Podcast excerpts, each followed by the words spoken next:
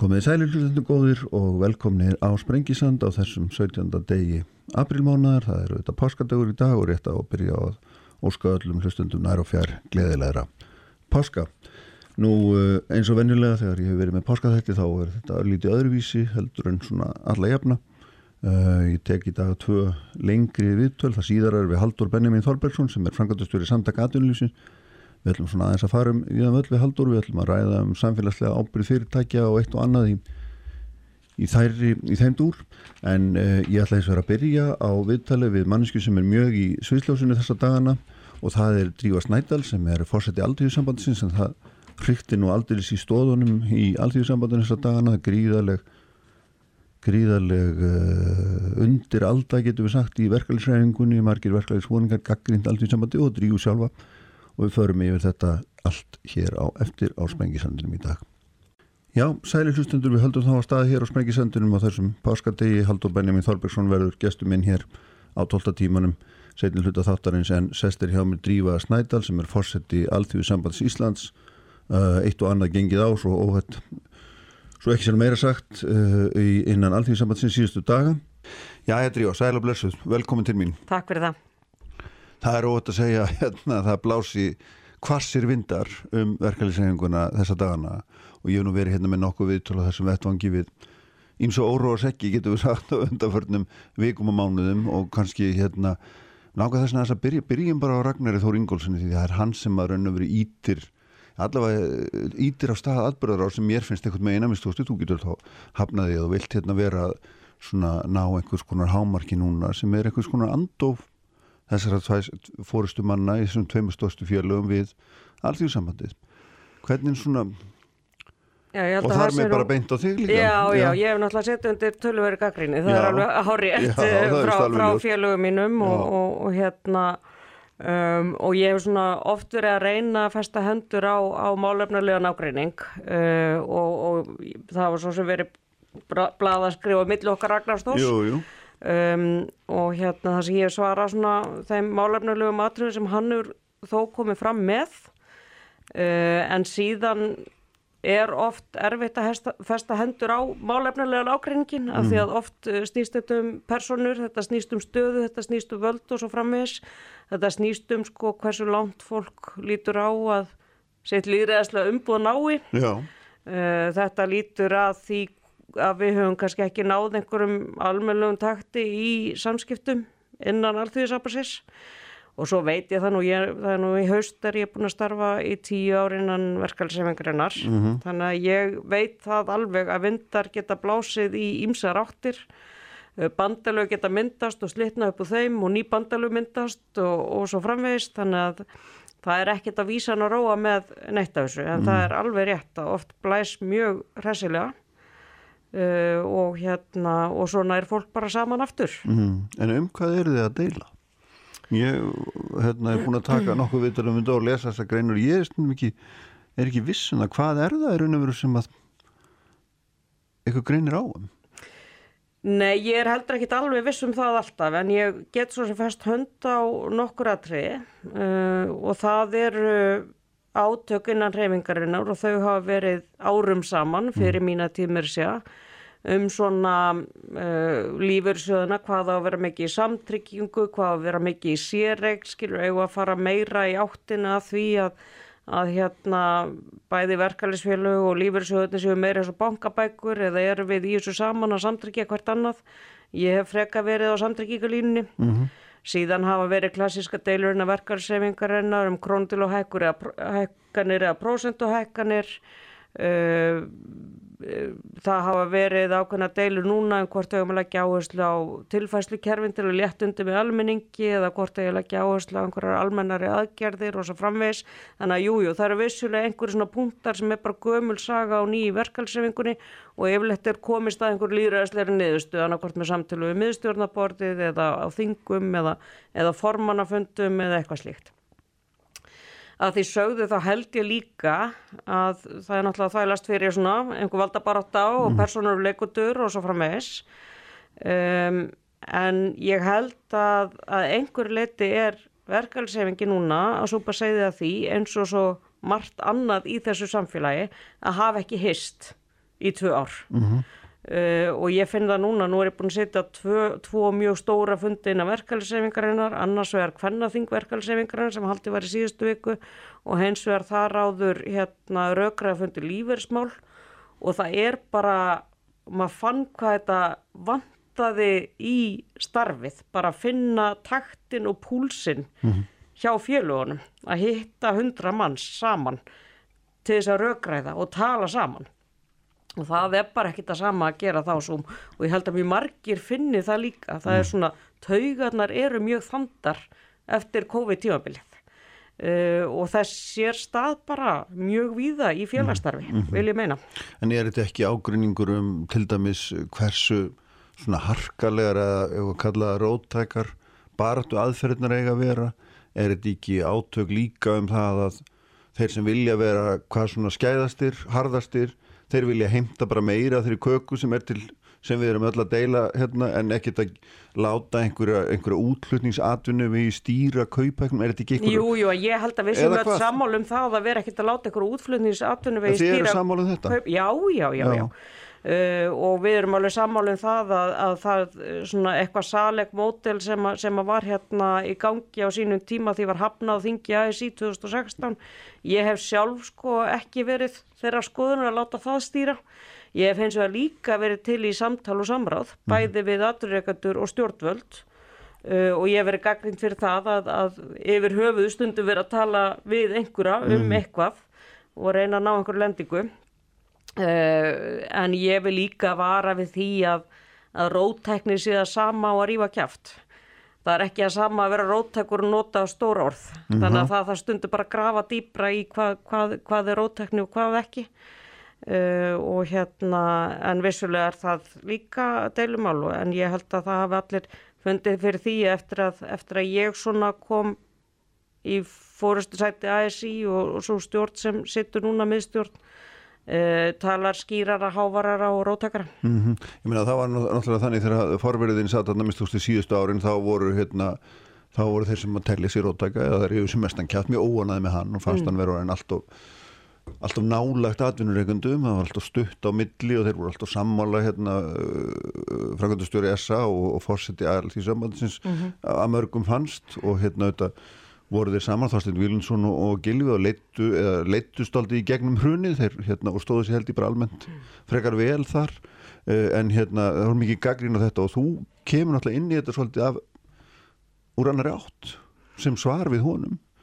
Já, Og ég uh, og ég held að það sé vegna- ekkit, ekkit hægt að líka okkur saman Nei, sko mér og er, nei, ég er að segja þess vegna er eru þau kannski að tala við gamla alltíðu sambandi ennþá, þeir sem eru hvað harðast að, að gaggrina þig? stundum finnst mér það uh, en það það svo sem bara að spyrja, spyrja þá sem gaggrína af því. En, en að einhver leit er þetta sko klassísk ágreinsefni uh, og ég hef svona verið meira svona hvað maður að segja vinstra megin í því. En í þessu er- klassísku ágreinsefni Já, en er, er til dæmis það, hugmyndur um að beita til dæmis verkalsvopninu meira? mm. Er það eitthvað sem að, hérna, þú vilt síður þessi gert? Þannig að það er til það af því sem að ebling hefur verið Já, náttúrulega, hérna, sleið sem bara að brjóstur að gera. verkvælsvopni er í rauninni eina vopni sem við höfum, raunverulega. Það er bara, þú veist, að tala, ná samkomulagi og svo að fara í hardar aðgerðir og, og ég hef bara vara við öllum tilraunum til að veikja það vopn. Um, ég hef uh, stutt verkvælsaðgerðir þegar þær eru uh, og, og bara, þú veist, það á að, þá að beita verkvælsvopninu þegar tilöfnið er til, mm absolutt. Þannig að það er engin ágreiningur um það innan ykkar hreyfingar að svona hversu hversu harkalega og beita því hversu oft og svo framvegis. Ég að mér Nei, nei, fólk svona getur verið ósamála en við erum bara með okkar líðræðislegu ferla til Já. að ákveða hvort að verkvælsvopninu er beitt að því er ekki beitt nema í atkvæða greiðslu félagsmanna. Mhm. En það hefur það, verið, hefur það verið sljókað undanförnum ég veit ekki, ég var að segja 10-15 árum svolítið 20, ég veit ekki um, Nei, ég held nú ekki sjóminn hafa náttúrulega háð mjög löng verkvælsátök það voru verkvöld 2015 þegar ég var hjá stæðskræðinsambandinu Mm. það voru verkvöld um all land ekki hérna í höfuborga, á höfuborginni uh, en, en hvort að það urðu tveir dagar í verkvöldum Mhm. þá uh, umfásmiklar aðgerðir uh, verkafólks um all land Mhm. Þannig að þeim hefur vissulega verið beitt eins og er náttúrulega ekki að beita verkvallu verkvallan vegna en það er svo sem enginn að gera það. Nei, Það er þess að ná árangri og, og ég bara stend bak við það, já. sjálfsög. Getur verið að alþjóðsambandi hafi glemt, glemt sínu minnstu bræðrum? Getur verið að alþjóðsambandi hafi glemt láluna konum, fólki af ellendum uppruna sem að er hérna, hvað svona, hvað hefur maður að segja, jaðarsettast á íslenskum vinnumarkaði? Það finnst mér alls ekki. Ég hef þörst að móti verið gaggrínt fyrir að tala ekki nóg til millistjættarinnar og auðvitað er ég gaggrínt alltaf úr báðum áttum. Ég menna það er líkur hlutar seglu og því er ekki að vera að væli við því sko. En, en ég hef verið fylgjandi krónutölu hækkunum, ég hef verið fylgjandi því að hækka takstana sem kemur láleina fólkinu alltaf best. Við höfum verið í e, markvísi vinnu að auka þjónustu erlenda félagsmenn. E, við erum með hérna, sérstætt teimin á skrifstu ASI sem er í því bara að, að hérna, vera með snerti fleti við ákveðna hópa útlendinga og, og eru komið mjög stórt og vítækt net, við erum með miklu samstarfið uh, ráðgjáðstofu hérna, inflytjenda uh, þrýstum á það að það er þið gert meðal annars og, og við höfum bara stór eld svona okkar snerti flytti og þjónustu við uh, hérna fólk af velendum uppruna og Já. ég held að það heyri það allir hvernig ég tala í þeim efnum uh, og síðan hérna uh, öll okkar baróta um með tilfæslukerfin þú veist að bæti í barnabæturnar, húsnæðisbæturnar, húsalögubæturnar það er einmitt til að grípa viðkomasta hópin að því auðvitað snýst verkvælspartan fyrst og fremstu það að, að verja botnin, mm. að láta fólk ekki falla niður í afkomi óöryggi og, og örbyrð Mm. uh, þannig að öll uh, öll mín uh, orðræða hefur, hefur lútið að þeir. Já, þannig að þú, já, en þú viðkennir svo sem uh, áðan er það ekki að það, ef ég skildi rétt að það væri einhver svona, eins og þú kallaðir samskiptavandi, það hefði ekki náðst einhver taktur og talaði reyndar um COVID, en er, er Mm. það eitthvað dýbra, er, er, er mikil óeining um það hvernig ná að gera hlutina? Því, það, því að menn tala hátt og mikið og, og hérna, sumir eins og Ragnar hefur nú nefnt að hérna, það komið til greina að leggja nýður ASI eða fara út úr ASI og svo framveg sem er nú ansið svona sem er stórskreft Já um, og ég eins og ég segi ég, hérna, ég veit ekki alveg uh, hvaðan þetta sprottið alltaf og ég veit ekki alveg hvernig, hvernig á vinda ofan þessu. Við erum náttúrulega að gera alls konar tilrunir og, og erum svona farin að feta okkur í átta einhverju samskiptasáttmála og búin að kalla til sérfrænga í, í þeim efnum. Uh, en hérna en þetta hefur verið mjög lifandi umræði hjá mjög mörgum aðeldafélögum gegnum áratugina hvort að fólki að vera eða félög, að vera í ASI eða ekki. Mm. stundum hafa félög gengið út úr ASI stundum hafa það gengið inn aftur. Um, þannig að það er bara svona allur gangur á því. Þetta hefur alltaf verið umræðin af aðferð reyndar er það svo að hún var eiginlega hávarari hjá fyrirrenna fyrirrenna Ragnars um, Ólafíu uh, þar sem hún uh, var svona farin lengra í þá átt að meta vilja félagsmanna vaffar til þess að gangur að þessi. Um, það hefur ekki verið rætt á nýjafstöðnu þingi landsabærs íslenska verslunamanna þá var ekki drætt um það að gangur að þessi. Mm. Þannig að þetta er, uh, þetta er ekki að raungerast Nei. eins og ég líti á það. Nei. En oft uh, beitir fólk svona ýmsur ráðan til að styrkja stöðu sína. En hver er raun og verið staða fórseta alþjóðsambandsins sem nú ertu búin að vera hérna, þessi ár frá því og hérna og, og, og ég meina, hann er kannski aldrei sterkari heldur en fóristum en stærstu reyingana leiðum að vera eða hefur hann eitthvað sjálfstætt umbóð hvern, hvernig fungerar þetta í raun og veru? Já, fórseti alltaf sabansins það náttúrulega, hérna, og nú er ég farin að tala um sjálf í því persónu sem er það allarslegast og öllu allarslu, en hérna, þetta embætti fórseti ASI er náttúrulega talsmaður, hérna, allra félagsmanna í ASI, að beita sér það sem þessi þörf, vinna samkvæmt samþyktum sem eru unnar á þingum og, og í miðstjórn, um, en um, það er svolítið erfitt að vera og upptekinn af því hvort að staðan sé sterk eða veik. Af því að þá ferðu að hugsa í öðrum brautum og hætta að svona, hvað maður að segja að, að hérna, fylgja eigin hjarta. Þannig að ég hef ekki verið mjög upptekinn af því. Nei, og eins og ég sagði á hann ef ég hef lert það eitthvað eitthvað af þeim tíu ára sem ég hef verið í verkeflisefingunni að, að hérna stemningin þar er síbreytileg. Mm -hmm. Svona gera stuttlið drífa og svo höldum við áfram eftir ögnablikk. Sælir aftur hlustundur, uh, velkominir aftur að viðtækjum þessum páskadagsmátni drífa Snædal, fórseti Alþjóði sambands Íslands er hérna þá hjá mér og við erum að ræða þessi Já, þessi grimúðilegu átök sem er innan verkefliðsreiningar núna eru komið aldrei hressilega upp á yfirborðið í, í síðustu viku þegar að þegar það kvestir hersilega skristofum eblingar og það höfðu þetta blásið harkarlega um, um uh, sambandið áður e, drífa, sko, þú sést ekki verið uppdökin að eitthvað staðin var í veikaða sterk mm. en finnst þér hún hafa veikst eða þú leggur matuð á núna frá því þú vorst kjörin? Uh, ég, ég á svolítið erfitt með að hérna veltaði fyrir mér. Ég hugsa að maður sjáu það bara í baksinspeglinum einhver tíman í framtíðinni. Um, þannig að hérna en, en ég sækja umbúið mitt til uh, hérna fulltrú á þingi æsi sem eru fulltrúar allra félagana um, og ég svo sem veit ekki hvernig það myndi líka í dag. Nei, einhverja svona þú er búin að vera þetta í tíu ár, einhverja svona hérna, magatilfinningu hlýtur hún að hafa? Já að ég veit ekki, það, maður getur alltaf valið magatilfinningun eftir hver, hverja maður talar, uh, hvaða ratti maður hlustar á og svo framvegs, um, en hérna, en ég gerði það svo sem þegar ég bauð mig fram að ég óskaði svo sem ekki eftir stuðningi frá neinum. Nei. Uh, ég fekk einhverja stuðningsyfirlýsingar, ég óskaði aldrei eftir því sérstaklega, ég hugsaði bara, ég menna, hér er ég bara tilbúið til verka, þau sem eru tilbúið til að stiða mig mm. gera það, mm. aðrir ekki.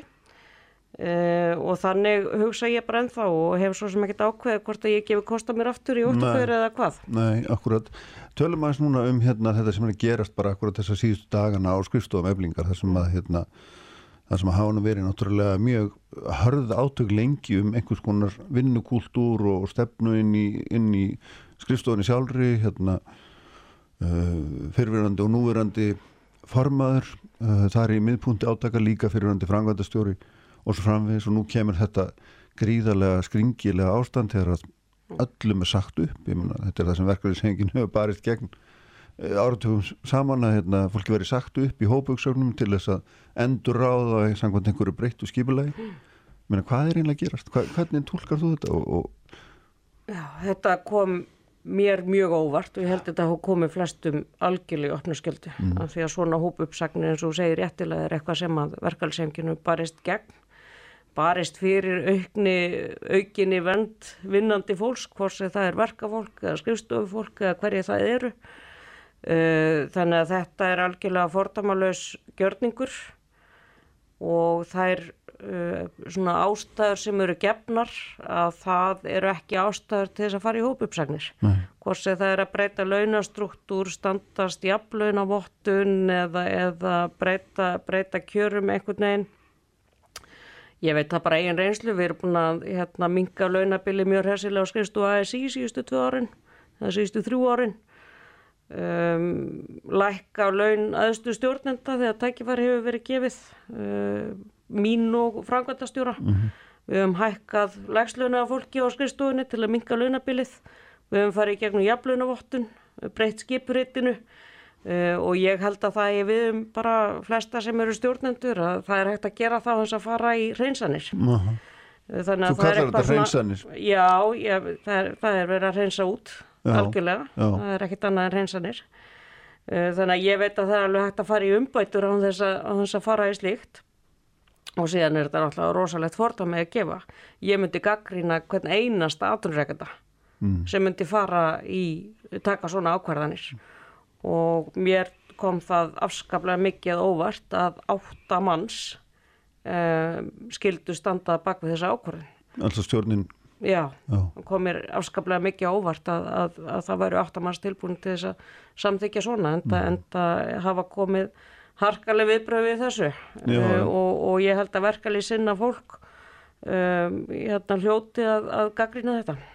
En sko, nú, nú, nú veist þú þetta nákvæmlega eins og allir aðrir að það hafa verið mikil átökand og það er greinilega einhver kultúr þarna inni sem að sumum finnst óeskilugur og hérna, byggir einhverjum hefðum sem að nýju róttæku stjórnendur kunni ekki að metta eða hvað? Já, sko, Þetta lítur þannig út það er á, ágætt að hafa í huga að megnið að starfsfólk eflingar hefur ráðið uh, í stjórnatíð uh, Solveig Rönnu. Þannig að þetta er ekki gamla leifar af, af hérna, þetta er ekki fólk sem var þarna fyrir áður þau kom inn eða eitthvað slíkt. Þannig að það er kannski ágætt að hafa það í huga. Um, og síðan er það nú tölvert ábyrð stjórnenda hvernig menningin ræðst uh, og það hefur verið ágætt að fá inn bara utan komandi ástóð eða, eða hérna, breyta menningunum með einhverjum öðrum, öðrum leiðum. Um, nú er náttúrulega starfsfólk sett í þá reyllilu aðstöð að vera bóðið að, að sækja um störfin sín aftur á hvaða kjörum það er, það liggur ekki ljóst fyrir. Þetta er svo, svolítið eins og hérna, bjóða þeirra að kissa vöndin mm -hmm. þegar þeir hefur verið sagt upp. Þannig að fólk er í erfiðri stuðu. En hvað hva gerir svona reyfing eins og alþjóðsambandi í svona máli? Vegna segja að þetta hefði verið eins og nefnir atun, hérna, hefðbundin atunreikandi og orðað þannig, venjulegur atunreikandi út í bæ, þá hefði hérna, farið upp á háarsíðu öll sem eitt. Já, á því leiti er verkalsefingin uh, öðruvísi heldur en fyrirtæki. Mm. Uh, þetta er, fél, er félagsamtök, fyrst og fremst. Og sumir halda að ASI sé með eitthvað bóðvaldi yfir aldafélagunum. Það er ekki þannig að ASI getur undir mjög þraungum skilurum stíðin í starf aldafélaga og það er þegar allar félagslega leiðir hafa verið farnar. Þú veist, ef að félög eru bara ekki fungerandi, haldi ekki aðalfundi, skil ekki reikningu um eitthvað svo leiðis og ASI hefur í sögunni stundum stíðin í það, svo fáum við náttúrulega mjög oft svona óskir um að stíga inn í átök. Og við hefum fengið óskir frá eflingu um það í, í þrýgang í minni stjórnatíð að stíga inn í einhver, einhver mál þar og við höfum alltaf sagt uh, það þarf bara að bóða til félagsfundar. Ef fólk er óanætt með sitt félag félagið er á ábyrð félagsmanna. Þetta eru félagasamtök. Mm -hmm. það er að bóða til trúna, trúnaðarásfunda og félagsfunda eftir því sem við á.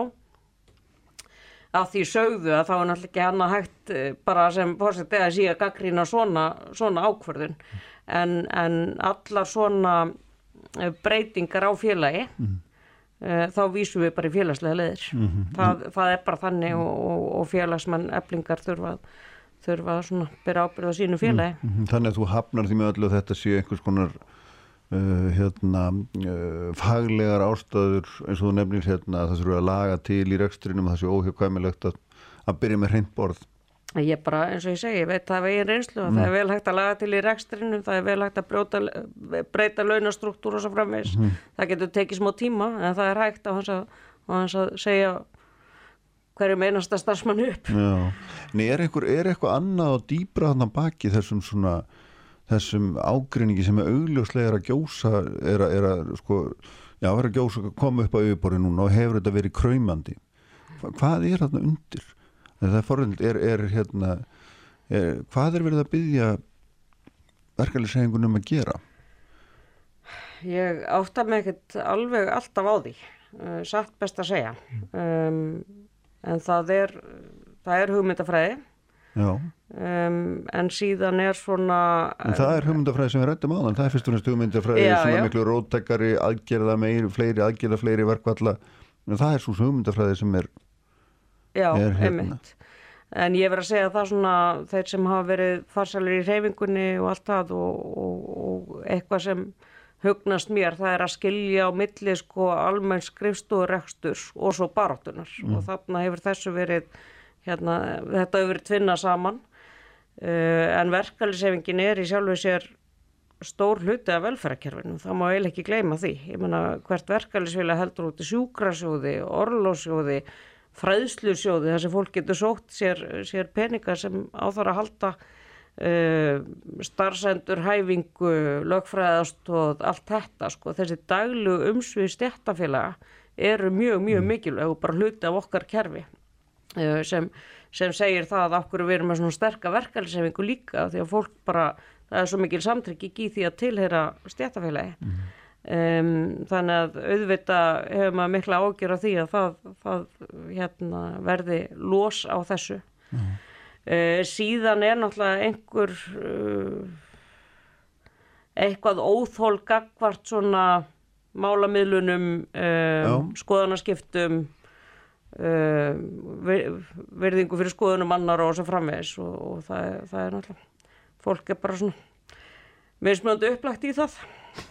Já, þetta er hérna, uh, sko, þetta, þarna er einhverju karakter sem að leika líki hlutverki í þessu mm. atbúrarás. Mm. Uh, finnst þér er hæfilega reyka verkefni, stýra þeim? Uh, ég myndi nú hvetja bara til þess að hérna um, leita sér betri aðstöðar, faglegar aðstöðar uh, hérna þegar misbrestu verður á en, en það er ekki hægt að það er ekki hægt að rétla þetta svona aðgerir það er bara enga veginn hægt. Nei. En þegar þessi ágrinningur er komin svona látt eins og hann er núna myna, þá, þá verður við alltaf einhvern veginn að skera úr um úr um það sem að menn er að deilum ég menn ekki getur þetta bara svona matla svona áframendalust Nei, þá þarf ekkert með henn að festa hönd á deilurnar og það er ekkert alltaf mjög einfalt. Nei. Eh, þannig að hérna, en ég reikna með að, að sko, það verði náttúrulega deilur áfram. Já. Þessu er ekki lokið. Nei.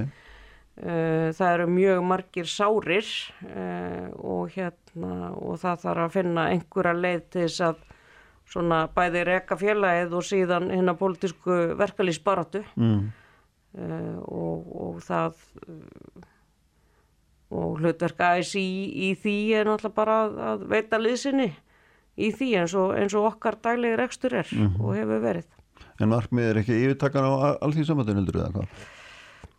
Ég, ég veit það ekki, það getur svo sem vel verið mm -hmm. og hérna og þá bara fer það sinn gang, það mm -hmm. er mhm. þing í byrjun oktober Já, já og það verður bara hérna, þingfulltrúar sem sker úr um það hver verður hinn pólitíska fórista alltíðisabarsins eftir það. Mm -hmm. en, en fyrir svona fólki í alltíðisambandinu, mm. fólki á golfinu ef ekki kallaða það, sem er í sinni vinnu og hérna er að býða til því að fá einhverja lilla launahækkun og svona lífið verið í skaplera á morgun heldur en það var í gær, mm.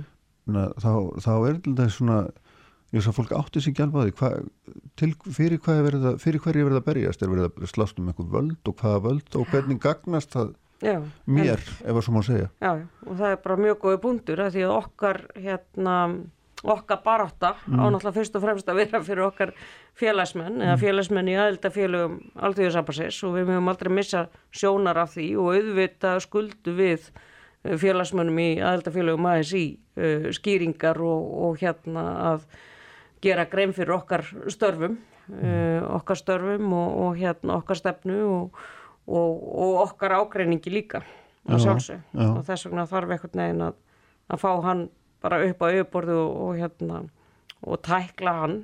En það hefur verið oft bara mjög erfitt. Hefur fundist, þessi fórustu menn í orðulegu deildinni, við getum nefnt Viljan Birgisson náttúrulega, við getum nefnt Ragnar Þór Ingolfsson og Solveig Önnu mm. hérna, horfa fram hjá því að þau eru fyrst og fremst að berjast fyrir aðra en ekki sjálfur Nei, ég vil ekki ætla þeim það. Uh, en, en hérna en uh, ég er ekkit endilega alltaf sammála nálgunni Nei, gerum östu hljátur og hérna höldum áfram eftir ögnablík Já, komið þið sælir átturlustendur, við erum sitjum hér enn við drífa Snædal, fórseti Alþjóðu Sambands Íslands og við erum auðvitað að ræða þessi stóru tíðindi sem orðið hafa á síðustu dögum í verkefliðssegingunni hérna drífa, nú er, nú saður áðan að þetta, þessu verði ekki lokið. Og það er auðvitað hérna þing ykkar í höst, þing alþjóðinsambansins þá er líka hérna kjærasamlingar lausir, það er að fara að semja upp á nýtt og, og hérna við erum að koma út úr COVID. Mm -hmm. og við stöndum í miðri heimstyrjöld og framlæsleikeðjur og flutningakeðjur hérna eru í, í miklu vanda og, og svo framvegis.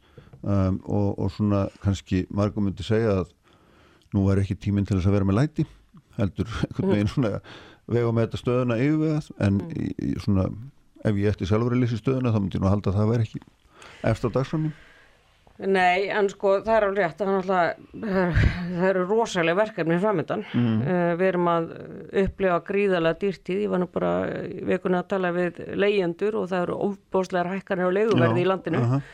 uh, og húsnæðisverði það er hérna fólk að er eftir með að komast inn á húsnæðismarkaðin og, og hérna og síðan eru bara vöruverð líka að hækka. Já, og þess vegna hefur við lagt svona mikla áherslu á tilfæslukerfin bara ok, nú í staðin fyrir að vera að gefa einhvern banka og gefa einhverja miljónir til þess að ringi vini sína til þess að gefa þeim pening mm. að þá verður nú kannski nærað að fara að hugsa um hérna afkomu öryggi fólks.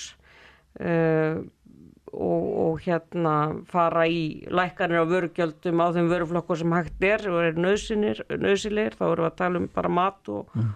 og samgöngukostna, bensín og svo framvegs um, en það er einhvern veginn að þetta er að verða einhvers konar hérna perfect storm. Þar sem við erum með sko afleðingar af COVID, Já. við erum líka með uh, styrjöld, við erum komið með verðbólku sem er bæði influtt og, og svo höfum við ekki verið að standa okkur í húsnæðismálu hérna á Íslandi.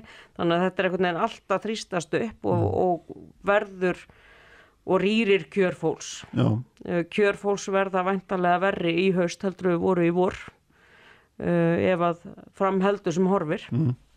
Bara fóðurkostnaður, samgöngukostnaður allir þessi hráfuru kostnaður, hann alltaf endur speklast út í bara hérna, að það verður dýrir að lífa, það verður dýrstíð þannig að þetta verða ekki auðveldi samningar í höst eh, en við eins og leggjum áherslu á það, það er ekki bara hægt að setja fyrir framann aturreikutur semja um uh, kaupakkanir, hvort sem þau eru formi króna eða prósenta eða, eða hvað það er að sko velferðarkerfi verður að spila með, stjórnvöld verða að spila með og við veitum það að, að hérna um, ef við ætlum að leysa húsnæðisvandan sem er einna hort steinum uh, kjærasamlingan í haust alveg öruglega mm. Uh, að þá þurfum við að eiga í samtali við stjórnvöld sem við erum í akkurat núna þessa dagana og vikurnar. Þá skila núna í lók mánadarins uh -huh. hérna skýrslu um húsnæðismarkað.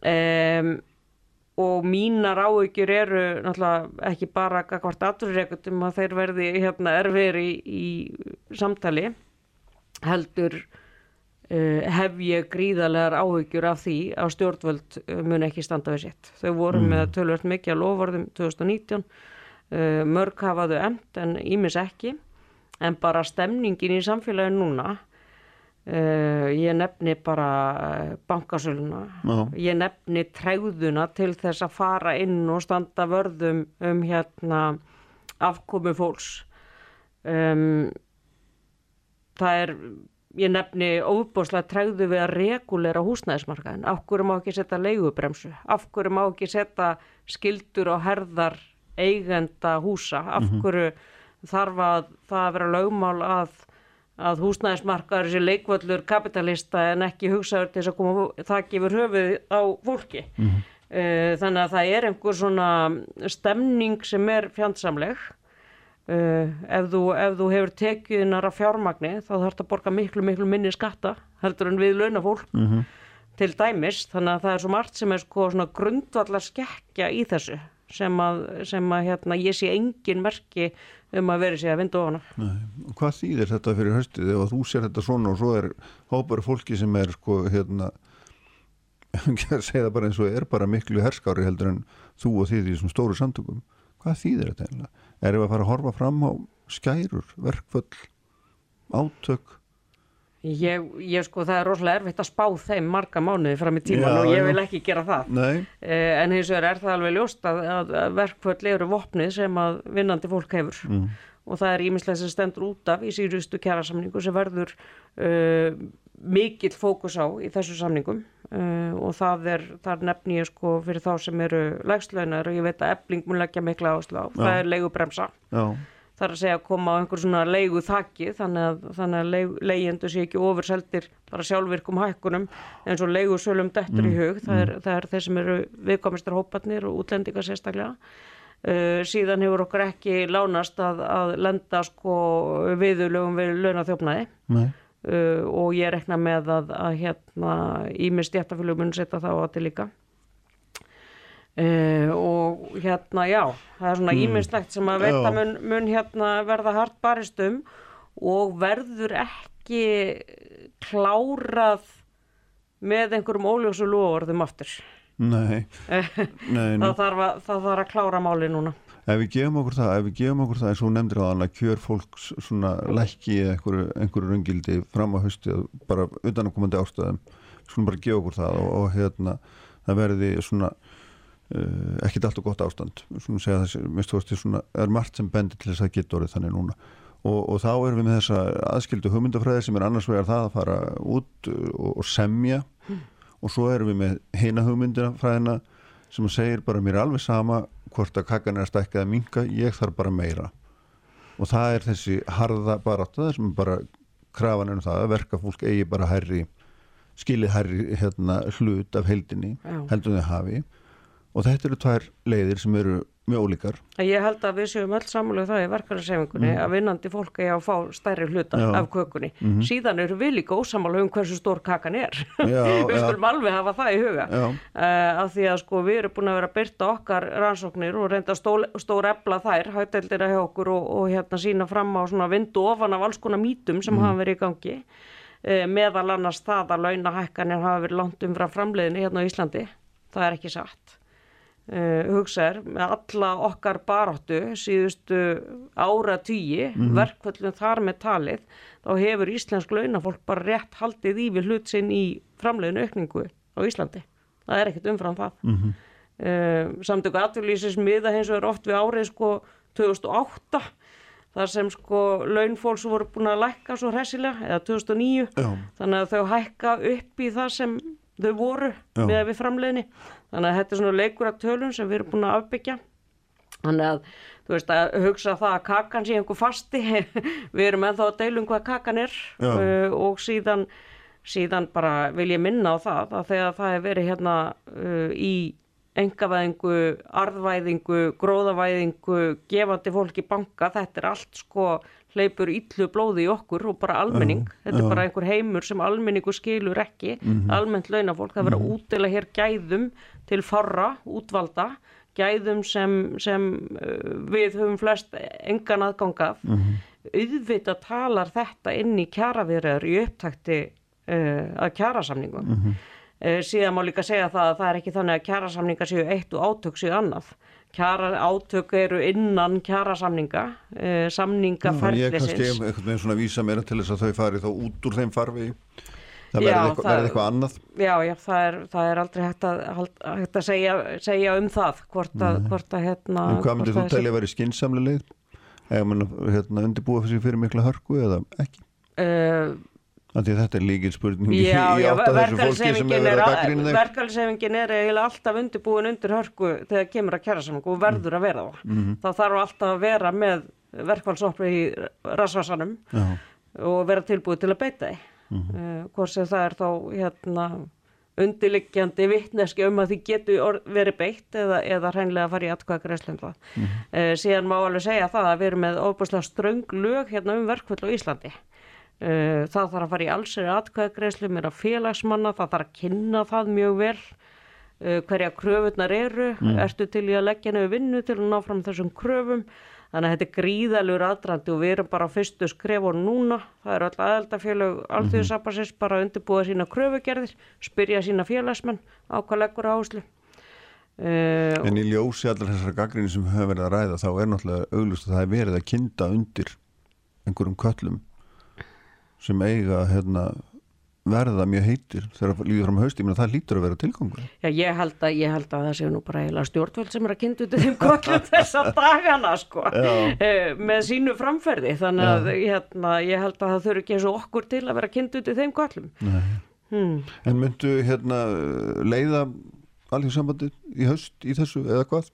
Hefur áhuga að vera fórseti alþjóðsambandið Bara- þegar þú, þegar þú hérna liggur undir svona harðri gaggrinni? Það bara kemur í ljós. Já, ég veit að það kemur í ljós Já, en ég, meina, ég, ég er ekki, ég er svona alveg heiðarlega sagt, heiðarlega sagt, já. ég ekki búin að ákveða mig. Nei, Og ég en ætla, er, ætla ekki að gera er það það. eftirsóknarvert að vera, vera fóringi og hópi sem að hérna, sem að kann ekki við, vel við mann? Það getur verið líðandi stundum, Já, ég trúi því Þannig að þú ert ekki búin að gera pöðin um þetta Nei, Nei, en hefur þið sárnað þetta? Hefur þið fundist þetta ómaglegt? eh, Þessi gagnrýni? Já, Já. já, stundum, Já, auðvitað. og hvernig bregstu við því? Eh, ég bara svona svara því þegar þegar mér er uh, nóbúðið Já. ég er seindrætti vandraka hvort eigin félagsmönnum uh, ég vil hérna Af því ég er til dæmis búin að bjóða það nokkuð sinnum síðan þetta byrjaði og þú er alltaf satt nei takk Já, kurteislega.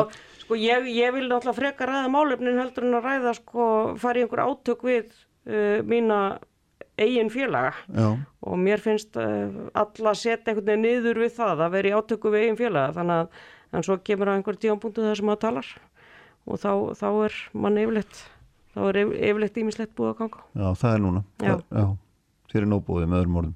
Já, ég get ekki varið hópuppsagnir stéttafélags til dæmis. Já, takk fyrir þetta drífa og hérna það verður fórlutnir að fylgjast með því hvernig þetta, hvernig þessi mál þróast öll en við verðum að láta verkeflís hluta þáttaninslokið hér á eftir uh, verður svo gestur minn Haldur Benjamin Þorbjörnsson sem er reyndar alveg hinum einu lítrónu því hann er frangvæntastjóri samtaka atvinnulífsins. Þetta er Haldur Benjamin Þorbjörnsson sem er frangvæntastjóri samtaka atvinnulífsins. Já, ég Haldur Benjamin, sæl og blessaður og velkomin. Já, takk fyrir það. Eh, mér langar þess að fá eitthvað þess að svona, hérna, svona halda okkur svona að þess að hugmyndafræðilegu nótum og vera ekki kannski að dýfa okkur allt og mikið í, í, í hérna, þvarg dagsins í dag. En sko, hérna, það er, það er, það er svona, það er, hafa orðið mikla breytingar, ekki bara COVID-ið og þess að þetta orðið mikla breytingar í hugmyndum okkar um hvaða hlutverki fyrirtæki þjóna í samfélaginu, hvaða hlutverki þau að þjóna, hvaða ábyrð þau bera á góðu samfélagi. Man kan að tala eins um þetta í byrjun, ég minna, við þekkjum hérna þetta sem kallaði CSR Corporate Social Responsibility samfélagslega ábyrð, þetta er hugtag sem er svona, já ekki alveg nýtt en tilturlega nýtt getur við sagt svona í almennri nótkunn hvernig lítur þú á þetta, hvaða ábyrð byrja fyrirtæki á því að samfélagi sé sé gott og um það ég held ég sko, ansvarið mitt verður sko, við erum að skoða þetta í svona 50 ára já. Og ég held að bara við mörg sem fyrir mikið um háskóla við höfum lært um svona þessar hugmyndir sem að voru í deiklunni svona áttund áratögnum mm. frægasta hugmyndin er þegar Milton Friedman stígur fram. Já. Með einhvern veginn þessa möndru að ábyrð fyrirtæki eitthvað samfélaginu fyrst og næst að skila arði Já, og allt annað á að uh, líka til hliðar. Eh, ég myndi orðaða með þeim hætti á síðustu 50 árum hefur mikið vatn rundi sjávar mm. og þessar hugmyndir hafa verið mikillir í þróun og komnar bísna lánt mitt svar er svona svolítið heimatilbúið sko. Þú ferð bara ringin í kringu landið ferð bara inn í byðalvegin út um allt mm. Og spjallar við atvinnureikundur og starfsfólk þeirra þá sér maður að einhvern veginn atvinnulífið eru þetta bara samofið uppbyggingu samfélagsins ringin í kringu landið og hvað mm. þýðir þetta? Mm. Þetta þýðir auðvitað það að hugmyndir frítmann um að eina ábyrð fyrirtækja vera að skila arði Já. á ekki rétt á sér eða þú spyrir mig, Nei. heldur er þetta viðtækara mm. og þetta snýr ekki bara af hlutöfum fyrirtækja, heldur vil ég horfa á mingi sem kallað er haghafar og hvað er það? Það eru starfsmenn, það eru umhverfið, mm. það eru samfélagin sem fyrirtækin eh, starfa í og ég held að þau fyrirtæki sem hafa náð þessari bestu blöndu á undarförnum árum og áratugum eru fyrirtæki sem að skara fram ára. Ég get tekið mörg dæmi, til dæmis bara að fyrirtæki minna viðbanda samtaka aturlífsins. Mm -hmm. Það sem að umhverfismál hafa einhvern veginn verið, eru komin í forgrunn í rekstri margra fyrirtækja ekki endilega af samfélagslegum ástæðum heldur er þetta kannski viðskiptalega ákvörðun hvers fyrirtæki sem sig mm. við getum hort inn í fyrirtæki sem er í framleiðsluðinaði og er að markasetja sína vöru og gera þá grundvelli þess að þau séu ábyrgi umhverfismálum við getum hort inn í ferðarþjónustuna þar sem við erum að markasetja eitthvað erlendum viðskiptavinnum sem er fallið að gera það með að kröfu mm. að fyrirtækin séu að handera umhverfismál á ábyrgar máta og svo mætti lengi tellja þannig ég vil segja Ég held að Frídmann hafi haft rétt fyrir sér að hluta til að til þess að fyrirtæki geti haga sér með þeim hætti sem ég var að lýsa uh -huh. er nöðsynlegt að þau séu arðbær en það fyrir auðvitað viðsfjari að það sé eina markmið í rekstri fyrirtækja. Já, akkurat. Sko þú ert að lýsa náttúrulega hérna hugmyndum sem að maður getur líka rakið til sko breska verkamannflokksins og þá voru þetta hérna kallað þriðja leiðin þegar Tony Blair sem að hérna mörgum er nú mjög illa við hérna setjum tíð þegar hann var að taka við þá byggjuði þetta til þetta hugdag þriðja leiðin þar sem að þeir hérna voru einmitt að tala um ekki bara hérna, hluthafana heldur einmitt að þú kallar haghafana Já, haghafanir og ef, ef við veltum aðeins fyrir okkur þessari þriðju leið í breldi sko, mm. þá kannski ef við leiðum okkur aðeins að slá leta strengi hérna, þá voru tværi leiðir í brellandi og já, önnur já. hafði átti ekki upp á pallborði lengur Nei. og Tony Blair sem var og eflust er til dælu að snjáll pólitíkus bjóð þó til einhverja nýja leið sko. já, og hún auðvitað fekk mikið fylgi á tíðanbili mm. Ég hins vegar er miklu meiri sveitamæður þetta sko. Þú horfður til Breitlands, ég horfður til Noregs Já. og við getum bara flett í sögubókunum sko. og það er þessi, þessi hugsunum sjálfbara þróun mm. Og það, svo sem hefur orðað það best finnst mér, er Grúharland Brundtland sem að segja sko sjálfbar þróun og þetta er á vettvangi saminuð þjóðana sem hún gerir þetta að sjálfbar þróun er samsett úr þremur þáttum. Efnaðarslega stærðin, félagslegi þátturinn og síðan umhverfislegi þátturinn. Mm og ef við horfum svona yfir sviðið á Íslandi kannski undanfærin 10-15 ár þá vil ég meina að umhverfislegi þátturinn hafi fengið allt og mikið vægi á kostnað hinn að tvekja þáttana sem eru þá félagslegi þátturinn og efnaðarslegi þátturinn. Og við getum speiklað þetta sjáðu inn á mjög mörg svið til dæmis inn á orkumálin sem Já. eru mikið í deglunni núna. Já, þar sem einhvern veginn degla hugmynda í orkumálum á Íslandi hefur fyrst og fremst hverfst um umhverfisvingilinn en á sama tíma hefur þessi félagslega spurning hvernig er með svæðin þar sem uppbyggingin á að fara fram, hvaða áhrif með það hafa á byggðafestu, mm, atvinnuöryggi og bara tækifæri framtíðarinnar. Og síðan þessi efnaðslegi vingil þeir hafa svolítið verið víkjandi finnst mér gagvart þessum umhverfisvingli og ég held að, og ég er um trúið því að þróunin á vettvangi stjórnmála ef við lítum okkur aðeins svona næri tíma muni í auknum mæli snúast að þessari nálgun á orkumál, á umhverfismál og sjálfbara þróun. Þar sem þessi þrýr þættir fá jafnara vægi en áður. Og ég er þeirra skoðanar að við stöndum frammi fyrir já, mjög miklum tækifærum á Íslandi á komandi árum og jafnvel áratugum þegar kemur á orkumálum. Og ég held að þeirra atbyrðir þessi ræðilu atbyrðir sem eigað sér stað núna í Evrópu já, þeir hafa sett orkumál heimsins rækilega einhvern veginn í fyrsta sæti þegar þjóður eru að meta hagsmunni sín. Og við getum í raun kannski rekið þetta svo ég hætti nú að vera hérna í 50 ára tímalínum og við getum kannski farið bara rúmlega 10 ára aftur í tíman árið er já, 2011 Já. og í hónin búum í Bretlandi á þessum tíma. Vorum í námi, þannig að maður hafði svolítið betri tíma, ég tók lest í skólan okkur meðansta degi já, og gæti lesið sko Financial Times spjaldan á milli á hverjum degi og því ég hafði ekkert betra að gera Aha. og þá var einmitt þessi umræða mjög hávæðir að það verður þetta kjarnorkuslýs þarna í Japan, Fukushima, Daiichi og einhvern veginn í beinu framhaldi er þessi degla hugmynda í Þískalandi að eiga sér stað þar sem að Merkel stígur fram með þessa umtildu ákvörðun vil ég meina að þeir eru loka kjarnorkuverum í Þískalandi sem síðan aftur sjáðu býr til uh, þá stöðu Já. að þjóðverjar eru orku háðir gagvart Rúslandi í beinu framhaldi. Og ef við reynum að setja þetta í samhengi sem er okkur skilanlegt hérna ég held að sama sé að fara eiga sér stað í öllum löndum. Eh, ég vísaði í Noreg á hann ég las stjórnarsáttmálan í Noregi í nýri ríkistjórn Jónas Gahr Störi, ekki allan en hann var þýttur kaplinum orkumál. Og ég teka fram, ég er ekki almennt að lesa stjórnarsáttmála í Noregi. Og þar byrtist manni framtíða sín fyrir árið 21 til 25 sem er okkur Íslendingum mjög framandi. Það er að segja norðmenn stíga mjög stór og framsækin skref í þessum stjórnarsáttmála varðandi orkumál til framtíðar og lýsa því einfallega yfir að það sé lífsnauðsynlegt fyrir norðmenn, mm. jafnveg séu og sitja í öllum þessum olíubyrðum og olíusjónum að tilenga sér rafelsneiti, að fara að framleiða rafelsneiti og hákvaman máta bæði fyrir innlendan yðnað og þjónustu en ekki síður til útflutnings. Og ef maður les þennan stjórnarsáttmála Já. þá er hann auðvitað óra vegu frá þeim stjórnarsáttmálum sem að hafa týðkast hér á undarförnum árum og kannski áratugum. En það er stíðið mig fast niður og ef ég ætti að heimfara hann á íslenska remveruleika þá myndi þetta sennilega hljóma einhvern veginn svona. Við ætlum að byggja upp raf eldsneitis framleiðslu í öllum landsfjórungum til þess að tryggja að það verði góð atvinnuskilirði og atvinnuuppbygging ringin kringu landið til þess að tryggja byggðafestu og tækifæri fyrir alla landsmyndi framtíðar. Og þetta er auðvitað miklu öðrum lengra gengið en við þekkjum Kristján sko. Já, já, en þú ert að segja með öðrum orðum að það sé of mikil áhersla á náttúruvendina Er það það sem þú ert að segja? Nei, það sem ég er að segja er að mér finnst ekki mér finnst balansin í umræðinni ekki að það verið réttur. Og það verða svona heimsögulegir, heimsögulegir atbyrðir eins og sá sem að við erum að upplifa núna í þessu hræðilega stríði í Úkrænu þar sem að svona hlutar hagkerfinsins virðast bara vera til dælulega berskjaldaðir víða. Og núna er það í raun í forgangi hjá flestum ríkjum sem við berum okkur sama við að tryggja í raun bara orku öryggi til framtíðar. Og samhliða þessu, ekki þrátt fyrir heldur samhliða er þessi umræða um kólefnis hlutleysi og, og vera ekki háð í jarðefna eldsneiti sem muna auðvitað vera eina af þessum stóru bylgjum Já, næstu árin og áratugina. Og spurningi sem við stöndum framið fyrir Já, ætlum við að taka þátt í þessu eða ekki. Við til dæmis rekum hérna stór flugfélög. Við erum með gríðarlega stóran fiskiskipaflota. Já, og ég ætla ekki að koma hérna til þín og spá fyrir að innan x ára verði komin tækni sem að gerur okkur kleift að nýta rafelsneiti og allar þessar hérna, græður.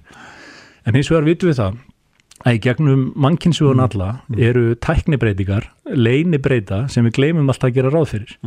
Og ég segi, það er ástæða til þess núna að taka ákvarðanum um það hvar við ætlum að staðsetja okkur í þessari orkuframlýslu til framtíðar ef við ætlum ekki að held svo lestinni. Og ef við heldumst úr lestinni þá munum við fyrirsjáanlega í framtíðinni þurfum að vera í þeirri stöðu að flytja inn já, til dæmis óhreint raf eldsneiti Já. til þess að nýta á þessi tæki framtíðarinnar. Mm, En, Það er ekki góð stað. Nei, en nú erum við nákvæmlega mitt hérna, í þeirri stöðu að við erum með fyrirtæki í landinu sem segjast geta framleitt rafelsneti en þau fá ekki orku til að búa það til og, en við erum á móti að selja allums orku í, í hérna, rafmyndagröft Ég svo dæmis í tekið, ég meina, er þetta eitthvað spurning um það hvort við þurfum að taka ákvörunum annarkvort eða, eða eigum við að auka framleyslun orkunni eða hvað hva, hva, svona, hvar stendur í því? ég held sko, ef við horfum til dæmis á þessa grænbók sem gefum var út um daginn, varandi svona framtíð orkuvinslu á Íslandi og ræðum hana bara, já, bæði yfir og með því svona námynda tölur. Mm.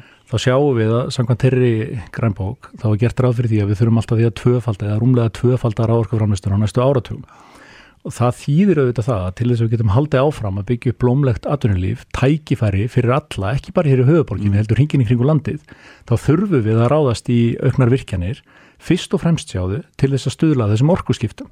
Og að því að þú nefnir já, til dæmis gagnaver og, og hérna rafmyndir, þá skulum við átt okkur svona á umfanginu sko, aftur með því að nota rúnaða tölur. Þá er stóriðan kannski, eða hérna stóru notendur afsakaði, einhverstaðar um það byrja 80% af heildar raforkunótkun af því fer um það byrja 4% til gagnavera og af þessum 4% sennilega um það byrja helmingurinn af því eða 2% inn í þennan rafmyndaheim og þetta er, það hefur aldrei verið virkjað á Íslandi til þess að sko knýja gagnaver heldur hefur þetta verið umfram orka Aha. sem að eru ákvarðanir sem hafa verið teknar af raforku framleiðandunum á viðskiptalegum forsendum til hvers? Jú, til þess að bæta nýtingun í kerfinu. Þannig að ég veit ekki alveg hver er að snúa hverju hausi í þessar umræðu sko. Nei, þannig að við þurfum ekki að hérna, þarna er ekki komið að eins konar ákvarðanutöku vegna þess að, að hérna, orku þar til þess að framleiða rafelsniti og hún verður að koma einhverstað frá. Já, mér finnst sko, ég Og það er líka stundur sagt að við séum orkusóður og ég held að Economist séum með okkur mjög ofalega á þeim lista við séum með þeim þjóðum sem nýtu orku hvað vest. Já, en þarna aftur sko, því að við erum hvorugur sko menn smáatriðana, en ef maður les smáalitrið, þá sér maður að þannig verið að vísa til sko raforkuframleyslu. Það er eins og mjög ósangjant að segja við Íslendinga sem eru komnir já, lengst sennilega allra þjóða í orkuskiptunum nú þegar, annarkvort í gegnum jarðhita eða uh, vassapsvirkjanir. Það er alveg rétt að við framleiðum ekki rafmagn, en þegar þú segir að við séum með mesta orku á hvern íbúa, þá fer því auðvitað víðsfjærri þegar við tökum stóru ólíuframislu ríkin eins og Noreg og, og hérna Araparíkin öllsum og Bandaríkin og Kanada. Mm, mm. þannig að þannig bara verið að horfa á hlutamyndarinnar alls ekki allan. Það sem að mér finnst vera aðalatrið er að við eigum ekki einu sinna að festa okkur í svona pólitískum skotgröfum. Það eru flokkar sem eru á móti virkjunum aðri sem að hafa viljað tala fyrir aukinni nýtingu. Og ég held við um að ræða þetta út frá tækifæri framtíðarinn og Mm. það voruð áskinja að það voru breyting til dæmis á málflutningi innan vinstri grætna sem er svona nýtjahyggja það, það er að segja, mér finnst það var runnið upp ljós að sennilega sé ekki rétt ákvörðun að stoppa já, allar framtíðar virkjanir heldur þurfum við að fara að setja uh, þær á dagskrá aftur en það hefur náttúrulega lítið gerst hér undanfærin einn og hálfan áratug Já, sko. Ég meina, Káranhjökar eru byggðir og hafa verið afskaplega umdeildir en ég held þegar að öll er á botnin kvólt hafi það verið mikið gæfu skref fyrir östfyrði og allir sem koma þangað og ræða við þá sem þar búa og starfa sjá því lík liftistöng þetta hefur verið fyrir já, samfélögin á Östurlandi og ekki síður allar þá tækni yfirfærslu og þau fyrirtæki sem byggst hafa upp í kringum þetta. Það er að segja fyrirtæki sem eru að þjónusta þetta með, tilteknum, mm. á, með ákveðnum hætti. Og þess vegna held ég að við getum átt vona því að það verði yfirvegaðri umræða um orkumál til framtíðar. Og ég er til dæmis alveg handviss um það. Ef þú ferð hringin í kringum landið þá sé að myndast meiri hlut á Íslandi fyrir því að við förum að framkoma meira, að við tryggjum að við getum verið í atvinnu uppbyggingu hringin í kringum landið. Ég nefni sem dæmi bara nýlegt dæmi þess efnis að vestfyrðir eru að kalla eftir aukinni raforku og tryggari raforku en þeir hafa aðgangað og við sem hljóð hljótum að þurfa að spurja okkur sko. Hér er fólk sem býr við já, erfiðar náttúrulegar aðstæður, vill búa og byggja upp atvinnulíf og blómlegt mannlíf á vestfjörðum. Við hljótum að geta séð þeim fyrir tryggri raforku til þess að tryggja uppbyggingu í þessum landsfjörðugi eins og öllum öðrum. Og síðan ef við leiðum okkur að loka augunum og láta okkur dreyma um tækifæri framtíðarinnar, Já. þá hljótu við að sjá að samankvort við nýtum orku í matvælaframleyslu, í landeldi, í alls konar yðna, til dæmis algalíf á Reykjanesi er að verða risastór notandi af raforku. Í einhvers konar þörunga framleiðslu. Já, já. Við eigum ekki að spá fyrir um sko segjuðara framtíðarinnar, heldur tryggja að þessar góðu hugmyndir sem eru þarna úti, Mm. að það séu aðstæður fyrir fólki í landinu til þess að nýta þessar hugmyndir og hrinda þeim í framkvæmt. Mhm. Ég held að það sé grunnurinn að velsalt hérna til framtíðar. Ljómandi, við skulum hérna höldum áfram þessum nótum eftir, eftir augnablík. Sælir áttu hlustundur höldum hér áfram á Sprengisandunum þennan sundarsmorgun hann er hjá mér hann Haldur Benjamin Þorbersson sem er frangatastur í samtaka aðunlífsins. Við vorum aðan að tala um orku og, og mikilvægi orkunar í framtíðinu og þetta verður svona eina stóru eina stóru þáttunum sem við þurfum að ræða hvernig við nýtum orkuna.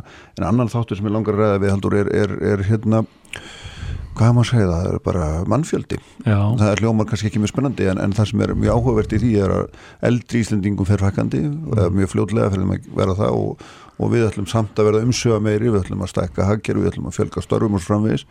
Og þá veldi fara sér sér hver ætlar að hver á að koma með hendurnar? Og það hlýtur að vera fólk annar staða frá. Og sem alltaf hefur einhver áhrif á það samfélag sem það kemur inn í. Þannig að við erum að fara að horfa á ekki bara breytingar í orkumólum og uppbyggingu tækifæri, þar heldur erum við líka að fara að horfa á mikla breytingu á, á vinnumarkanu hvað þetta varðar Já, og þessi breyting hefur raun verið að eiga sér stað undanfærin 20 ár í mjög svona stór, stórum skrefum. Já, Kannski einfaldasta leiðin sko þegar við ræðum um mannfjölda og þrónhans er þessi mannfjölda píramíti. mm. þar sem að elstu kynnslóðna sem eru fæstar eru efstar og síðan eh, á þetta að vera þannig að yngstu kynnslóðna séu fjölmennastar sko. já. þetta er að breytast í einhvers konar kassa hjá okkur sko. Mm og mun gera það náttúrulega hraðar á næstu árum og við sjáum sko að það eru stóra kynnslóður að fara á elli lífeyrisaldur og við getum speiklað þetta inn í öll sko stuðningskerfin okkar, við getum speiklað þetta inn í heilbreyðiskerfið, inn í svona umhverfi tryggingamálastofnunar og allt sem því og inn í lífeyrissjóðakerfið, allt mun þetta reyna mjög og þanþól þessara kerfa ef við bregðumst ekki við sko. En kannski kosturinn við mannsandan er að hann bregst við, við vitum að það er eitthvað þróun sem er neyga sér stað og við þurfum núna á næstu 5-10 árum að stíga mjög stór skref til þess að tryggja skalanleika þessara kerfa okkar og eitt dæmi um það, ellum sér gegnum heilbreyðiskerfið, við verðum og núverandi heilbreyðisáðara hefur raun stígið mjög stór skref í þá átt að tryggja að sjó, þjóðar sjúkrahúsi sé ekki alltum líkjandi í allri þjónustu heldur að nýta krafta engafræntagsins nákvæmlega eins og gert er á öllum Norðurlöndum í tiltekna þætti heilbreyðiskerfis. Það er eina leiðin til þess að skala það áfram og við sjáum núna fyrir nokkrum dögum að vera undirritaði líka nýtt samkomla við hjúgrunarheimilin sem eru eina, einar af þessum líkil stopnunum til framtíðar að við erum að tryggja rekstra grundvöld þeirra svona uh, til framtíðar. En að því þú spyrðum sko þróun vinnumarkaðarins og hvað við sjáum, já bæði í raun í baksinni speklinum og þegar við Já. horfum út um framróðuna. Við höfum séð þúsundur og tug þúsundur manna flytja til Íslands á undanförnum árum og ég er mjög hlindur því. Ég vil að við höfum landið eins opið og við getum og hinga komi fólk í leita að betri tækifærum, mannsamandi lífi og hér er mjög gott að búa. Það er raun sama hvar við drepum niður fæti í þessum blessuðu mælikvörðum þessar alþjóðastofnana. Íslandi er annarkvort efst eða mjög ofalega, alveg frá bara svona quality of life eða svona lífsgæða mælingum Já. og síðan út í það hvernig við komum fram við fólk á vinnumarkaði, hvernig meðalöun er að þróast, hvernig lægstulöun er að þróast og svo framvegis. Það er eins og er að verða, já ég vil segja vatnaskill í þróun á því vin- vinnuafli sem við þurfum að fá til landsins eða draga til landsins á næstu árum. Svona í upphafi þar síðustu hagsveiflu í aðdraganda Káranjúka og þeirra uppbyggingar sem þá áttu sér stað. Þar sáum við að við vorum fyrst og fremst að leita eftir já, bara verkafólki. Það verður verkafólk til þess að manna störf hringin í kringum landi, saman hvort það var í fiskvinnslu eða í framkvæmdageran. Núna höfum við tiltölulega nýlega unnið spá sem að nær svona fjúr og hálft ár fram í tíman og við gerum ráð fyrir því að þessi náttúrulega fjölgun Íslendinga á vinnualdri uh, þetta er um það byrjum 17.000 störf sem við sjáum að þurfa manna næstu fjúr árin eða rúmlega fjúr árin. En af þeim sjáum eru bara rétt um 4.000 manns sem eru í náttúrulegri fjölkunni gegnum á Íslandi. Já. Restin Það vantar 13.000 er þá 13.000 manns sem eru bara störfin. Og þá erum við ekki að telja með sko maka og börn sko. Nei, og ég held að við erum í öfundsveri stöðu ef við setjumst þetta niður aftur eftir fimm ár Já. og komist þeirri niðurstöðu, já svona í stórum dráttum þá tókst þetta verkefni vel. Okkur tókst að laða til landsins fólk með fjölbreyttan bakgrunn alls konar mentun vegna þess að af þessum 13.000 manns er meiri hluti sjáðu sem er með einhvers konar sérhæfingu. Aha. annarkvort yðnám eða háskólanám eða einhvers konar kennsluréttindi og slíkt sko og þetta er þessi vatnaskil sem mér finnast verið að eiga sér stað á vinnumarkaði er að við þurfum fleiri, fleira fólk sem að er já, mentað eða sérhæft mm -hmm. en áður og við sjáum þetta líka þegar við greinum sko inn hérna almenna og ofinbæra vinnumarkaðin að við sjáum að það er færsla á meðal Íslandinga af almenna vinnumarkaðinum yfir á ofinbæra vinnumarkaðin mm. sem skýrist að mörgum þáttum en meðal annars þeim þætti að í ofinbergeranum eru auðvitað ekki rík krafa um íslensku kunnáttu.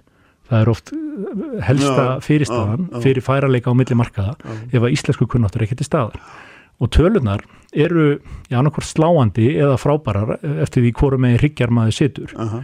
En sem dæmi þá eru færri Íslandingar á almennu vinnumarkaði núna í ár en voru árið 2014 uh -huh. og færslan hefur verið með ábyrjandi yfir í ofinbergeran og við getum endalust tekist á í svona þáttum og einhverju pólitísku þrasi um hvort það sé æskilegt eða ekki hvort að ofnbæri gerin sé að vaksa en það er eins og það er alveg borðfast að hann er að vaksa og ég set spurningamerki við þessa þróun sem við hefum séð á undanfjörðum árum mm -hmm. og ég held að við þurfum að hafa okkur öll við til þess að fá fólk af þeim uppruna og með þau eiginleika, mentunar eiginleika og annað mm. til þess að koma til landsins menn þess að okkur hefur ekkert gengið allt og vel í þeim efnum á undanfjörðum árum en mm. þetta er svona þetta er eiginlega stærsta gati sem við sjáum fyrir okkur ef að einhvern veginn uppsöfran mm. á að ganga eftir samkvæmt þeirri forskritt sem við hefum gefið okkur. En þú skautaður hans yfir þarna náttúrulega mjög mikilvægan kabla sem er auðvitað ferðarþjónustönd, gríðarlegan tilfinning af fólki og hérna sem var auðvitað skam tíma át af COVID en hefði nú vantarlega varað áfram já, já, og við... það er auðvitað grein sem að laðar að sér einmitt ekki fólk sem að þú ert að nefna, það er þetta að segja þetta menta fólk og allt það heldur fólk á allt öðru söðuhúsi. Já, veist, það aftur samt sko, ég, mm. allt sem er flókið er flókið mm. og ef við horfum til dæmis á þá einstaklingar sem hafa verið að manna störu ferðarþjónustu, mm. þá er það fólk sem er alls konar líka sko. Aha. Við erum með leiðsjögumenn og landfræðinga og alveg alla flórunna sko, Aha. tækja fólk og þess fram. En ég skil alveg punktir sem þú ert að leggja á, að þetta sé fólk sem er að koma til þess að sinna störfum sem að, já, erfitt gengur að mannast hér. Já, já. Og það er alveg ljóst að þetta er hluti af þeim hópi sem mun koma til landsins á næstu árum til þess að manna nákvæmlega þessi störf. Mm -hmm ég vildi ég hefði kristaskúli hérna fyrir frá mig en ég hefði það ekki en ég til eins og er einsýnt og maður finnur þetta bara sjálfum sér í mm. sínu nærumhverfi að það er uppbyggt mjög víða og maður heyrir þetta bara frá þeim löndu sem við erum í samskiptum við. Mm. Það er mjög víða sem er búið að byggjast upp mikil svona ferða þrá og við sjáum þannig bara á nýleirum kortuveltu Íslandinga við kaupum ferðaskurstofum að fólk er hægt að byggja palla og farið að fara til útlanda já, já, og auðvitað er það merki um það að hér hefur gengið vel á undanfjörðum árum, við hefum í stórum dráttum tekið réttar ákvarðanir og ég hef líst í yfir sem kannski umdelt skoðun að ég held að stopni til að efnagsakeri ríkistjórnarinnar burt sér frá því hverju sitt í ríkistjórn hverjum tíma, mm -hmm. að það er við hefnast bísna vel mhm. -huh. og við sjáum það að jafnvel þóttu séum að koma út úr COVID þá er skuldalhutvallir ríkisjóðs en þá algjörlega viðráðanlegt jafnvel þóttu séum að greiða allt og háa vexti í samanbyrði við sko nákvæmlandin okkar uh -huh. þannig að Ég held að við séum, eða ég ætla ekki að halda það, ég ætla að fullir það, að við séum á tímamótum og við þurfum að taka réttar ákvarðanir í mjög stórum málaflokkum, til dæmis hvernig við ætlum að laða fólk til landsins, hvernig við ætlum að gera þeim kleift að búa sér mm. gott líf mm og stór þáttur þar er til dæmis mentakerfið. Já. Og þannig að þess að fólk er að flytjast um milli landa og við þekkjum þetta öll, flist bútferðla flutningum á milli landa og fyrsta spurningin sem vaknar á flestu heimilum er hvernig er mentakerfið, ah, hvernig er aðgengi að mentakerfinu og hvernig munur börnin aðalagast inn í mentakerfi og ég held að þar getum við gert miklu betur. Ef við skiptum þessu bara upp í mjög stór hólf við erum með leikskólastíð mm. þar sem er í raun mjög fjölbreytt mentun í bóði fjöldi enga reygin að leikskóla alls konar útfærslur sem að fóröldar geta valið sér. Síðan erum við með mentaskólakerfið þar sem við erum með nokkra enga skóla við erum með tækniskólan sem er að sækja gríðarlega í sig veðrið Og síðan erum við á háskólaendanum með engarekna háskóla, háskóla Reykjavík, síðan erum við háskóla Íslands og hann hefur verið að stekka með samanningu við, við hérna kennarháskólan. Mm -hmm. En grunnskólakerfið, þar hafa einhvern veginn vindar engaframdagsins nánast ekkert leikið um. Nei. Og ég held þessu teljandi á fingurum annarar handar, sko, engareknir grunnskólar í landinu. Og ég held að þetta sé eitthvað sem við þurfum að ávarpa mm. á næstu misserum, hvernig við eigum að geta að opna skólana fyrir fólki sem er að flytjast hingað inn mm -hmm. til þess að taka þátt í og er undirstöðu verðmættasköpununar fyrir okkur hinn. Við eigum ekki að vera með útlætingarhæslu. Við eigum ekki að hugsa, við erum að passa okkur hvernig fólk kemur inn. Við erum að leita að fólki mm. í störf á Íslandi sem okkur tekst ekki að manna. Á Íslandi núna eru fleiri þúsundir starfa í bóði en á sama tíma eru tíu þúsund manns á atvinnuleysiskrá. Mm -hmm. þetta er eitthvað ójabægi sem því miður gengur ekki upp til langs tíma en svo endanum, Ná. Þá er þetta ekki bara hér á höfuborgarsvæðinu við þurfum að byggja upp atvinnu hringin í kringum landið og ég vil ekki verið þeirri stöðu eins og ég sagði við áðan að vera að velja sigurveðra við höfum að skapa almenn skilirði til atvinnuuppbyggingar hringin í kringum landið meðal annars til þess að tryggja að fólk úr byðalögunum sem fer og mentar sig að það hafi að eitthvað að snúa þegar það kemur tilbaka og þetta er það sem að mér finnst normenninir Já, hafa tekist betur en okkur og ég held að við getum lært ímislegt af þeim já, en ertu, ertu í raunin að svona hugsa það að við förum bara aktíft út í að laða fólk til Íslands? Ég meina flestar aðrar þjóðir gera það Já. með tilteknum hætti.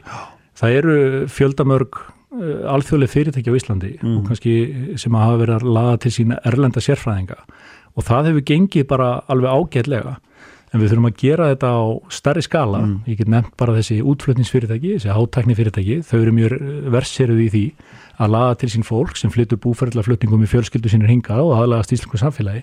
Við erum meira að segja sem hann kannski fer ekki hátt, það eru skattalegi kvatar fyrir fólk til þess að flytja til Íslands Já, já. og getur uh, fengið undanþáður eða afslátt að tekjuskatti og svona í einhvern ákveðin tíma sem er nákvæmlega það sama og verið er að gera í öllu löndunum sem við berum Mm. okkur sama við Mhm. en þess að þetta er ekki bara Ísland sem stendur fram við þessu. Þetta er öll vestur Evrópa sem meira á minna stendur fram við fyrir þessari áskorun á næstu árum Mhm. og þetta er svona kapplaup þar sem að sá vinnur sem leipur hraðast. Ef við gerum ekki neitt þá munum við ekki ná að laða þetta fólk til landsins. En ef við hins vegar tökum réttar ákvarðanir Mhm. þá tel ég að það sé bjart framöndan á Íslandi og við eigum að geta laða þetta fólk til landsins á næstu árum og þetta er ekki tíu árin í framtíðina. Nei. Þetta er á næsta ári og árunum þar á eftir sko. En finnst þér sangjart á að þú, hérna, því erum að laða þarna ákveðna hópa, við erum að veita þeim skattaafslátt og svo erum við með fullt af fólki sem vil koma enga en en hérna, Ég er, mjög, ég er talsmaður mjög opina landamæra Já. og bara segja það við hvert sem heyra það við. er oft vinnumarkaðin sem að nákvæmlega segir það er ekki þörf fyrir Já, aftur bara því að það er gaman að skoða söguna sko. Mm. ef við förum bara aftur til setni heimstyrjaldarinnar Mm. og einhvern veginn hvernig bandarískir háskólar í svona aðdrand og eftirmála stríðsins urðu suga á einhvern veginn mentafólk heimsins sko og þau hafa haldið þessu hlutverki sínu já, nokkuð jamt og þétt í 70 ár. Það er ennþá þannig og kanadíska ríkistjórnin hefur stíið mjög stór skref fyrir nokkrum árum, eða sennilega tæpum áratöku svo leiðis, var bara tekin svo ákvörðun í Kanada að draga eða laða að fleiri útlendinga inn í kanadíska háskóla. Já, hvers vegna? Já, það vantaði sérhætt fólk og í annan stað, það að fara í háskólanám Erlendis er mjög góð aðlugun að samfélaginu í svona hægum takti meðan að fólk er að læra eitthvað nýja yðin eða fræðigrein og getur síðan stíð út á vinnumarkað.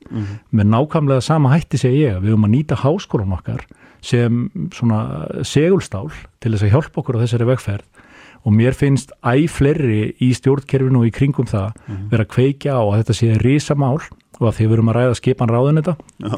þá væri bara full ástæði þess að þetta væri sérstætt ráðuneti aðlugunaráðandi Já, svona hvernig við ætlum að láta vinnumarkaðin vaks og dafna Já. og hvernig við ætlum að opna landið ennþá betur. Já.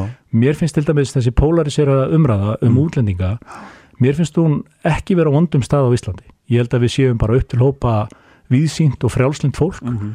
og við sjáum bara frá fyrstu hendi að það fólk sem kemur hinga til þess að auðvitað betra líf er að gangi störf og byggja undir hagsald fyrir okkur öll og ég raun má segja að við eigum mjög mikið undir því þessu fólki komið Já.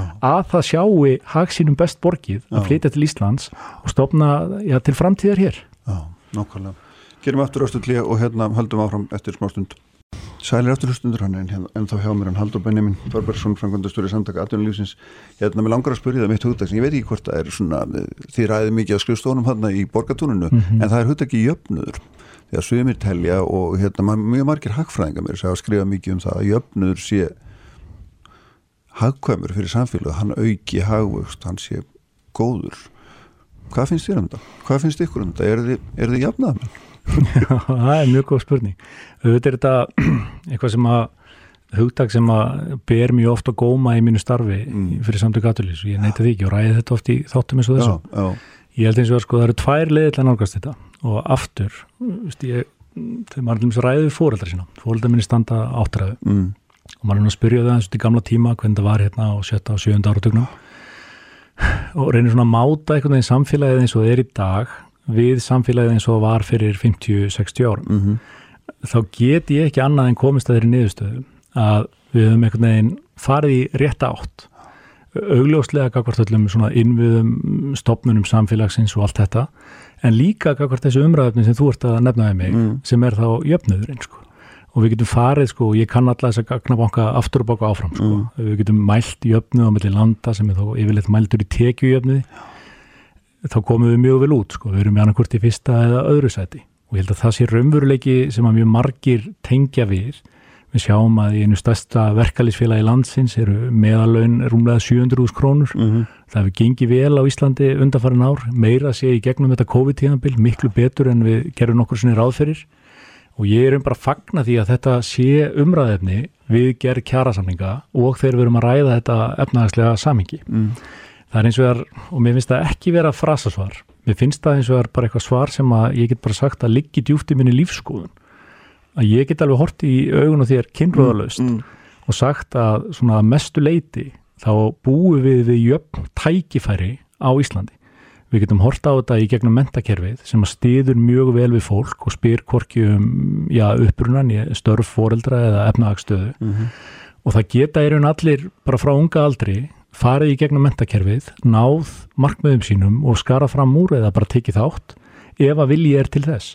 Við sjáum í gegnum önnur stuðningskerfi eins og til dæmis tómstundir barna sem mér eru hugleiknar. Mm. Ég er með app á símanum mínum sem heitir Sportabler Já. og ég hef sagt sko þetta sé mesti streitu valdur í mínu lífi. Hann pingar á mig svona 10-15 sinum á dag og ég veit aldrei hvað ég á að gera sko. Og það er alltaf að vera að segja mig þessi æfingar að byrja eða borga Já. þetta eða hvernig Já. þetta er. Og ef við tökum þessi kerfi, til dæmis bara íþrótafélögin og alltaf sjálfbóðastar mm. sem ásist að þar, það er til dæmis passað mjög vel upp á það að allir eigi tækifæri það fer ekki hátt en það er ekkert gengið mjög fast á eftir til dæmis rukkun félagskelda sko. mm -hmm. ef einhver ræður ekki við það þá er það leist og ef við leggjum öll þessi spil á borðið oh. þá held ég þetta sé það sem er mest umvert þannig að svo í svari spurninguðinni afdráttalöst ég held að jöfnuður til tækifæra eða jöfn tækifæri séu frum fórsenda þess að við getum rekið samfélagsskipan sem mm. sáttir ekki út mhm. um og ef við horfum á hinnendan sem er þá þessi tekjujöfnuður og eignajöfnuður og allt þetta, þetta til ég leik ögnum þetta á milli landa, mm -hmm. þá getur við sagt það að já, okkur hefur farnast nokkuð vel sko já. og ef við tökum þetta aftur te Tekjujöfnuður er eitt en eignajöfnuður er náttúrulega er allt önnur mynd Já, en ef við tökum, klárum aðeins tekjujöfnuðin mm, mm. og reynum að varpa honum bara inn á þetta kjærasamnisumhverfi sem við erum í Við undirritum lífskjærasamningarna þannig að 3. apríl 2019, hugsaður, eru komin meirinn þrjú ár síðan já hvað vorum við að gera það sko?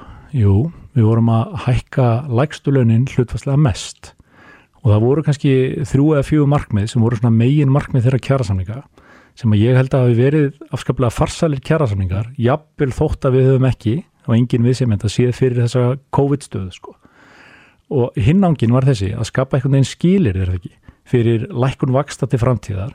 Og við veit að er COVID mjög stór þáttur í því En þá held ég að hvert mannsbatinn á Íslandi hafi fundið þá eigin skinni að með því að endur fjármagna fastegna lán, endur fjármagna skuldir heimilana, höfum við náð fram já, mestu kjarabót setni ára mm. í gegnum það. Mm. Og hugsaður, ef við förum yfir kaupmáttafrón á Íslandi, bara aftur í fortíðina, mm.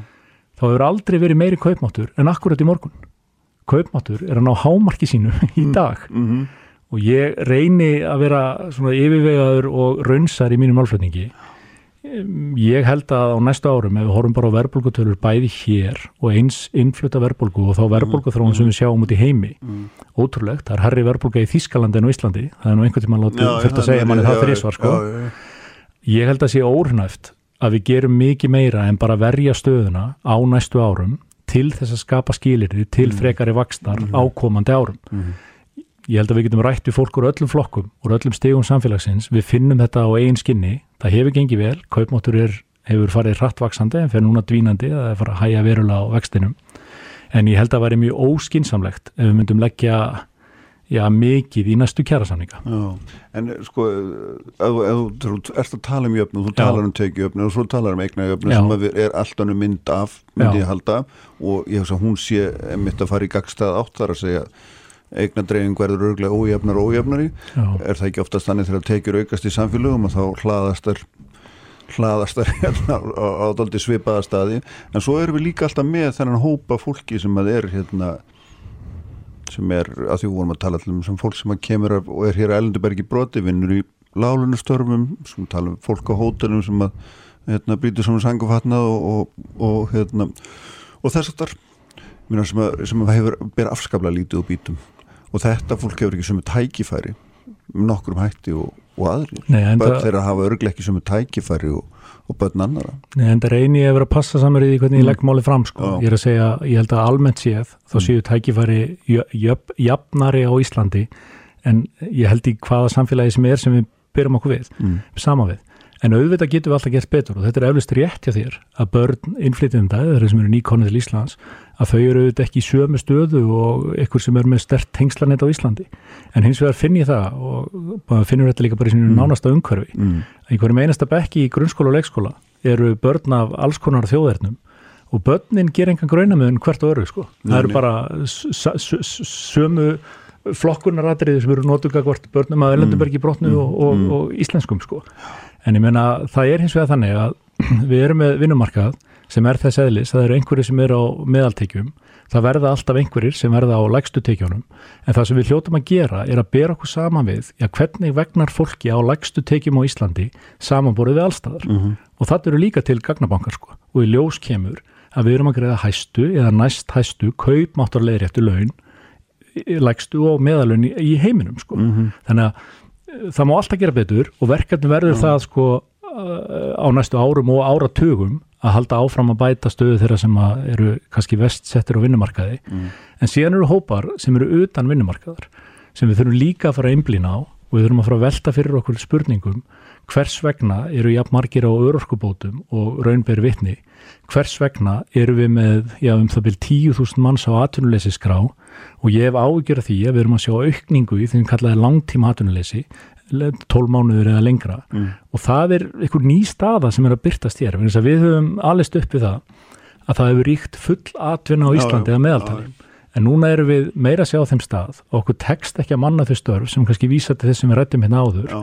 að við þurfum að loka því gati með því að laða fólk til Íslands til þess að sinna þessum störfum. Og það auðvitað er þannig það er svona talað um hérna í hagfræði homo economicus. Mm.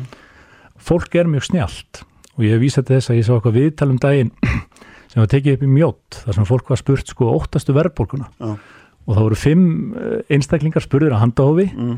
og allir svöruð á sömu lund já ég óttast verðbólku og hvers vegna var spurt? Mm. Jú vegna þess að það hefur svo mikil áhrif á skuldir heimilisins Já. Eh, Íslendingar og fólk sem býr á Íslandi allar veigamestu ákvarðanar eru teknar við eldúsborð landsmanna uh -huh. þar sem fólk ræði saman um framtíðina og ég er sammálum það að allir sem að eru á íslensku vinnumarkaði vilja ekki að við lendum í þrálátri verðbólku hérna mm. og ég held að það verði stærsta verkefni vinnumarkaðar, seglabanka og stjórnmáluna á komandi missurum og komið vekk fyrir að svo verði. Mm -hmm.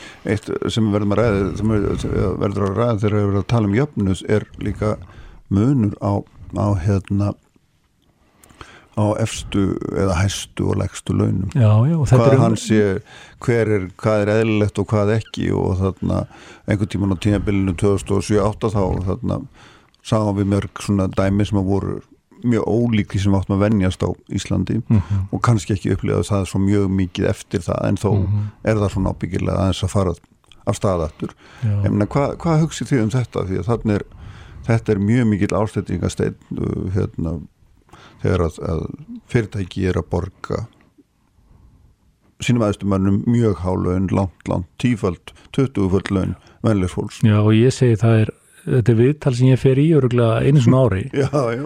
og bara vegra mér ekkert við Nei. mér finnst þetta að vera heilbritt viðhór og við veltum þessu fyrir okkur og ef að það væri já, tilfinning manna og hún var í studd með gögnum að þetta væri þróun sem var í komin út úr einhverju skinsamlegu samhengi mm. þá myndi ég einfallega deila þeim á ekki með þér hins vegar heldur Hagstofan skilmerkilega utanum þessa þróun mm -hmm. og ef þú tekur þennan stjórnændahóp og bara metur hverju við launathróun hans verið á kjærasannistíðanbylinu þá er hann fyrir neðan, já flest allara hópa í hlutastleiri hækkun það vill þannig til, jú, að hlutfalla háum launum er herri krónutala og, og ég átta mig á því já. og skil það til fulls já.